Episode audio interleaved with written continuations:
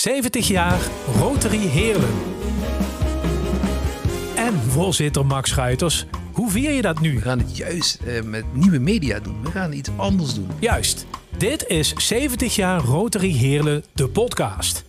Ik ben Ruud Kleinen en ik ga langs bij prominente Heerlense Rotarians om het feestje te vieren met een goed gesprek en zo nu en dan een klein glaasje.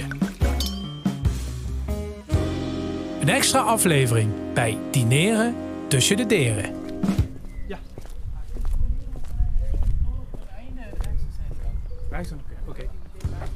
Zaterdag 22 april 2023. Rotary Heerlen viert het 70-jarig jubileum in Gaia Zoo in Kerkrade.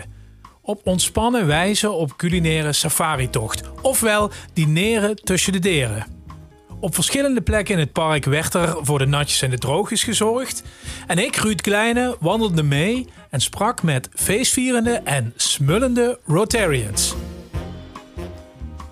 In de eerdere aflevering van deze podcast leerde ik dat veel leden begaan zijn met de club. Ze vinden dat Rotary Heerlen trots of trotser mag zijn op wat er wordt gedaan. Meer vertellen over de maatschappelijke initiatieven dus. Daarom gaan we gelijk naar de overhandiging van een cheque. Een cheque van 1500 euro aan de stichting Jink. Uh, Jink is een non-profit organisatie die zich inzet voor uh, leerlingen tussen de ja, eigenlijk 8 en 16 jaar door middel van allerlei projecten die onderdeel zijn van de leerlijn. En um, ja, de sollicitatietraining is daar uh, één project van. Ja. En op die manier proberen wij kansengelijkheid voor de leerlingen te ja, creëren. Dit is Julia Snijkers van Jink. Het bedrag wordt besteed aan sollicitatietrainingen voor jongeren. De sollicitatietraining gaat in het najaar op het Heilige College plaatsvinden voor maar liefst 100 leerlingen. En uiteraard zorgt die check voor blijheid. Ja, ja geweldig. Uh, zoals ik net al zei, ik kan bijna niet in woorden uitdrukken hoe dankbaar uh, we hiervoor zijn. Want het is uh, ja, super, is echt geweldig. Dankjewel Julia. Voor een jongen een woord dat vaak is gevallen in deze serie. En ook op deze avond is het een onderwerp. Ook de jongeren verbinden aan dit soort uh, maatschappelijke uh, clubs. Die enerzijds heel fijn is om onderling bij elkaar in een netwerk te fungeren. Maar zoals je vandaag zag, dat we ook proberen goede doelen te ondersteunen. En ik denk dat dat van alle tijden is. Dus wat dat betreft is dat wel een doel wat ik me heel graag zou willen stellen. Je hoort Rick Kalmon jongste lid van Rotary Heerlen. Want je merkt toch wel dat er vaak op Rotary toch nog wel een, uh, ja, een, een, schaduw hangt over uh, een uh, grijs oude mannenbolwerk. Maar dat is eigenlijk valt dat wel reuze mee. Wat ik, wat ik heel erg leuk vind is dat het heel actieve mensen zijn. mensen heel divers, uit een heel breed spectrum van de maatschappij. En leeftijd zegt helemaal niks, dus dat maakt het wel heel erg leuk. Oh, je hebt uh, bestuurlijke ambities, begrijp ik. Nou, wat wel heel mooi is, is het is inderdaad wel vrij snel. Ik mag uh, vanaf dit jaar toetreden tot het bestuur. En wat dan wel heel erg leuk is, dat je toch vanuit het bestuur de vereniging nog beter leert kennen dan als je lid bent. Dus uh, eigenlijk als nieuw lid is het wel heel fijn om die verantwoordelijkheid aan mee te mogen dragen. Dat was G. Kouwman, lekker binnen nog. Maar weer of geen weer, er zou gewandeld worden. Ik ook terug, dus als jullie hier wat willen laten liggen, dan kan dat gerust. We hebben voor de ingang hebben we ook voor iedereen een paraplu, want het weer zit helaas niet helemaal mee. Buiten, onder de paraplu, de gewezen theaterdirecteur Bas Schoonderwoord. Ja. Bas, je begon net met een schoolbekentenis. Nog geen tijd gehad voor de podcast. Nog geen tijd gehad. Hoe kan dat nou? Ja. Ik dacht dat jij was afgezwaaid als directeur van een theater. Precies dat, ja. Ja, jammer. Maar het, uh, jij zegt net, het is voor de eeuwigheid, dus je krijgt de tijd om het nog te luisteren. Dus dat gaan we gewoon doen, ja. Uiteindelijk uh, heb je meer tijd. In ieder geval maak je meer je eigen keuzes als je dat werk niet meer doet. Gaat de Rotary daar nog van profiteren? Ik zou het niet weten. Ik heb mezelf voorgenomen om voorlopig nog eens helemaal niks te gaan besluiten. Dat heb ik lang genoeg gedaan. Dus ik schrijf alle vragen die op me afkomen op mij af en ik geniet het leven. Ja. Heb ik trouwens mijn leven gedaan, al Ruud. Maar hoe, hoe is dat, geen besluiten nemen? Dat lijkt me voor een man als jij niet makkelijk. Nou, ik heb mijn besluiten eigenlijk nooit zo gevoeld als besluiten nemen. Ik, ik ben een community mens, ik, ik doe het in een team. En uh, er zijn weinig momenten geweest dat ik gezegd heb, en zo gaan we het doen. Ik heb twee keer per jaar gunde ik mezelf een basje, noemden, uh, hoe noemden ze dat op het afscheid. En dat waren dan besluiten die ik gewoon helemaal zelfstandig nam. Voor de rest was het bij mij altijd samen. Jij weet ook dan, als geen ander, als je net zo'n mooi afscheid hebt gehad, hoe belangrijk het is om dingen te vieren. Jazeker. Er, er is uh, in het park staat met name een gebrek aan uh, vieren. Hè? Dus uh, tel je zegeningen, dat hebben, dat hebben we niet zo. Het begint gelukkig wel. Het weer was dus regenachtig.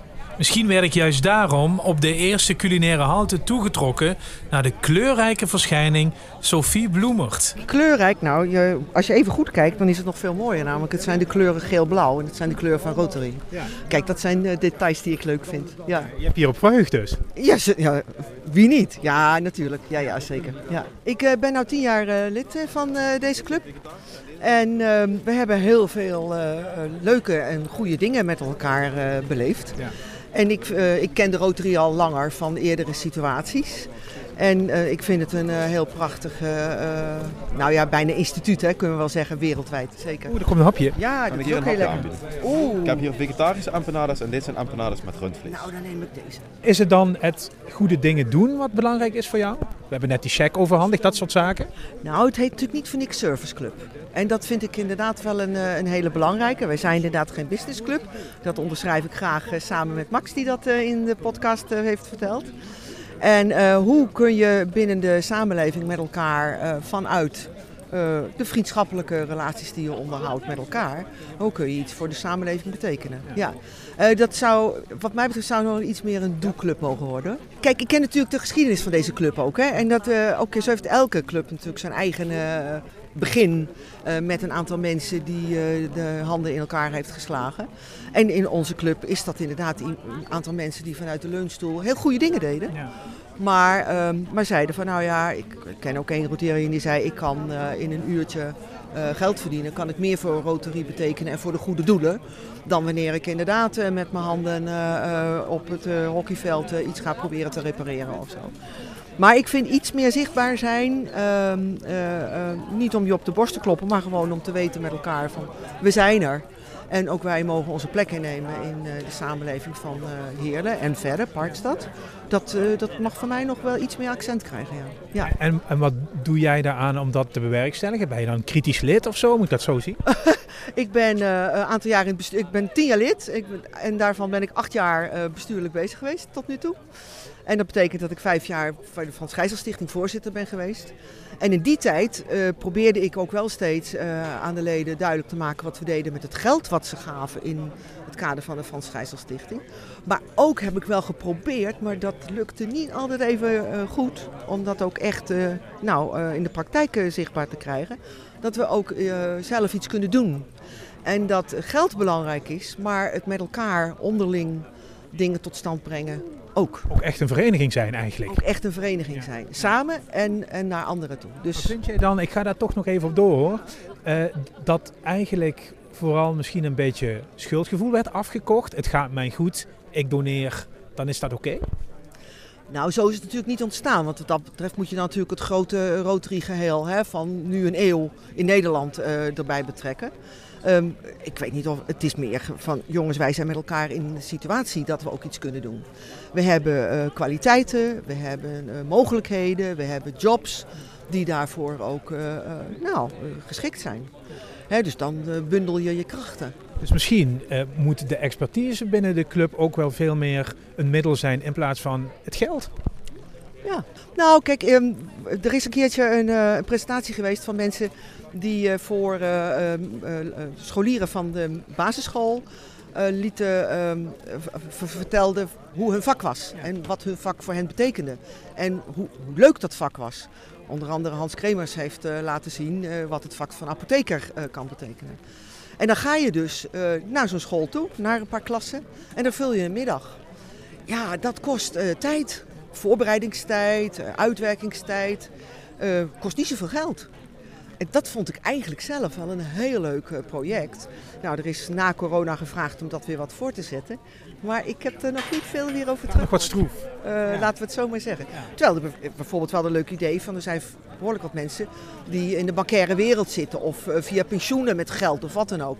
Nou, geld en kinderen, dat is natuurlijk een prachtig thema. Hè? Van uh, wat kun je ermee doen, uh, maar Rond... waar komt het vandaan? Ja, en daar rondom zijn veel zorgen natuurlijk ook maatschappelijk gezien. Zeker, zeker. Dus ik had het heel leuk gevonden wanneer uh, een aantal van mijn mede-Rotarians zich op dat terrein onder de basisschoolleerlingen had gevoegd. Daar kunnen we ook nog veel meer mee. Met de eigen mensen, want er zit zoveel expertise bij ons in de club. Het is zonde om daar niet meer van te weten. Ik ben tien jaar lid, ik heb een aantal leden nog nooit iets over hun eigen werk horen vertellen. Nou, dat moet je dan eh, bij het eten, terwijl je je sla naar binnen zit te werken, ook proberen te realiseren. Ja, zij doen het al de hele dag. Dan lijkt het natuurlijk gewoontjes. Dat snap ik wel. Dat zou kunnen. Maar tegelijkertijd, eh, ik heb ook wel eens een voorstel gedaan van laat de een de ander interviewen of zo. Hè, en- of eh, maak iets samen eh, uit, eh, je, uit, uit je eigen perspectief over een bepaald onderwerp. Maak een presentatie. Maak de podcast zelf. Maak de postkassen. Nou, bijvoorbeeld. Ja, Daar gaat mijn snabbel. Gauw door naar Jules Lusink. Leuke dag, gezellig feest. Ik ben eh, lid geworden in 2014. Ehm, eerst lid geweest, toen eh, al heel snel eh, bestuurslid geworden. Een jaar voorzitter en nu een aantal jaren secretaris van deze mooie club. Dus de schouders die zitten eronder. De schouders zitten eronder, net als bij velen in de club. Ja. Merk je dat, dat die bevlogenheid er is? Ja, als je mensen iets vraagt om te doen, doen ze het ook vrij snel. Ze reageren snel op mailtjes, op verzoeken om te helpen, doen ze het echt. En je merkt dat de opkomst, attendance gewoon omhoog gaat de laatste tijd. Is misschien ook nog steeds een beetje blijheid dat we van corona af zijn en het weer kan. Waarschijnlijk wel. Blij dat we elkaar hebben kunnen ontmoeten, want eh, de beeldschermontmoetingen waren wel goed bezocht, maar is het net niet. Ja, dit is veel gezelliger, persoonlijk contact kunnen, kan de ogen kijken, je staat dicht bij elkaar en je ziet wat iemand bedoelt. Dus heeft de club volgens mij iets dichter bij elkaar gebracht. We vieren 70 jaar. Moeten ook vooruitkijken. Heb jij ehm, ideeën of tips waar deze club wat mee kan? Ja, we zijn bezig met verjonging, dus jonge leden erbij te krijgen. Hoe doe je dat? Ja, dat, dat is natuurlijk de crux. Daar hebben heel veel verenigingen last van. Het is gewoon zelf eh, reclame maken in je netwerk. En dat we toch een aantal jonge leden erbij hebben. eh, tussen de 40 en de 55 is al jong. Ja, als, je, als die reclame maken, een eigen netwerk en mensen meenemen, enthousiasmeren, komt vanzelf goed. Ja, en dan, als ze er één keer zijn, ook mee blijven nemen. In feite een soort tutorfunctie hebben. Ik neem iemand mee, ik kom je halen thuis, ik breng je naar huis terug. Dat je de eerste keer die loop hebt en weet waar je naartoe gaat, dat is heel belangrijk. En je wordt een warm bad ontvangen. Ik heb het zelf ook zo ervaren. Ik ben eigenlijk eh, meegenomen door eh, Paul Franke. Die belde me op, kom even een kop koffie drinken. En dus een kop koffie te drinken, die ging op de Rotary. En een uur later zag ik bij de eerste bijeenkomst. Johan Hoekstra en Jos Snijders zaten in een geanimeerd gesprek. Het is niet zo beleefd, maar ik heb toch even ingebroken. Ik ben in 1990 eh, bij de Rotary gekomen, in, eh, in Heerlen. Van tevoren was ik in eh, Genk. Een mooi, eh, ja, mooi eh, uitlaatklep hè, waar je met eh, veel eh, mensen van verschillende achtergrond eh, kennis kunt maken. Van gedachten kunt wisselen, eh, ervaringen uitwisselen. Ja, prachtig. Zitten we dan als Heerlen op, op het goede spoor? De, de kwestie is, eh, zijn de mensen tevreden? En ik denk dat over het algemeen wel die lid zijn, die zijn tevreden. eh, dus goede spoor. Dus nee, dat is een goede basis. En eh, naarmate de mensen meer individueler worden, komt er ook weer een behoefte om ja, in verenigingszin en clubzin eh, iets, iets binding te hebben. Ja. Johan is intussen weer terug. Ja, gelukkig. Johan, wat is jouw eh, Rotary geschiedenis? Ja, nou, ik had eh, altijd een heel slechte indruk van de Rotary. Waarom? Eh, ja, ik vond het een oude ballenclub en ik vond het, eh, ehm, ja, je hoort er nooit wat van en ik praat wel over lang geleden. Hè. En mijn vrouw die, die was in 1995 bij de Rotary gegaan en toen dacht ik, ja, dat is niks voor mij. Maar ik ging natuurlijk wel mee als partner. En eh, op een gegeven moment, dat was in Roermond. En toen gingen wij verhuizen met het kantoor naar, uh, naar toe. En uh, ja, toen, ja, Fian, Fian Farid heeft mij erbij gehaald. En dat was in 2009. En dat is net in de periode dat, dat het hele verhaal met die vrouw, ik zat er ook in het bestuur, met Henk Goethe. Toen ja, die podcast had, die heeft het allemaal verteld hoe het allemaal gegaan was. Daar was ik ook bij. En dat was toch echt wel een revolutie, hè? zoals het allemaal ging. Dat opeens een vrouw, uh, ja, die was opeens lid. Ja. En ik, heb, ik ben notaris geweest, dus ik heb ook uh, die, die Paars Rotarians uh, opgericht toen. En dat vangnet voor, want anders was het ook niet gelukt. Dus dat was toen echt een hele heftige, ja, toen was ik pas lid. Dynamisch? Ja, was best behoorlijk dynamisch. Ik vond het helemaal, het was, ik had het helemaal fout. De, de indruk die ik had klopte helemaal niet. En ik was blij dat ik toch lid van de Rotary geworden ben. Ja. ja. Dus die oude mannenclub, ja, dat is het niet meer. Nee, nee, nee, dat klopt allemaal niks van. Maar ja, goed, dat beeld had ik gewoon. Ik wilde er ook uh, geen tijd in stoppen. Ik, uh, want in Roermond ben ik ook wel gevraagd, maar ik wilde het gewoon niet. Gewoon nee, niks van mij. En omdat zij lid was, uh, denk ik, ja, dat krijg je toch wel mee. En nu zijn we nog steeds lid van een andere club. En ik ben eh, lid van, van Heerlen. En ik ben eh, ook lid van de Paars. Dat kan de, dubbel. Hè. Je kunt, eh, nou, ik vind het prima. Als ik kan, dan kom ik. Ik ben ook al regelmatig in het buitenland. Maar als ik hier ben, dan ga ik. Ja, ik ben er geen spijt van. Neem mij eens even mee naar zo'n bijeenkomst van die Paas Rotarians dan. Hoe, hoe gaat dat eraan toe? Eh, ja, die hebben geen regeltjes. Ja, je moet je gedragen, maar voor de rest, eh, ja, je moet in slaap vallen. Wat doen jullie? Wat doen jullie? Ja, ook eh, sprekers, lezingen en sprekers en eten. Het is in dezelfde club, bij de Roes. Ja. In dezelfde ruimte.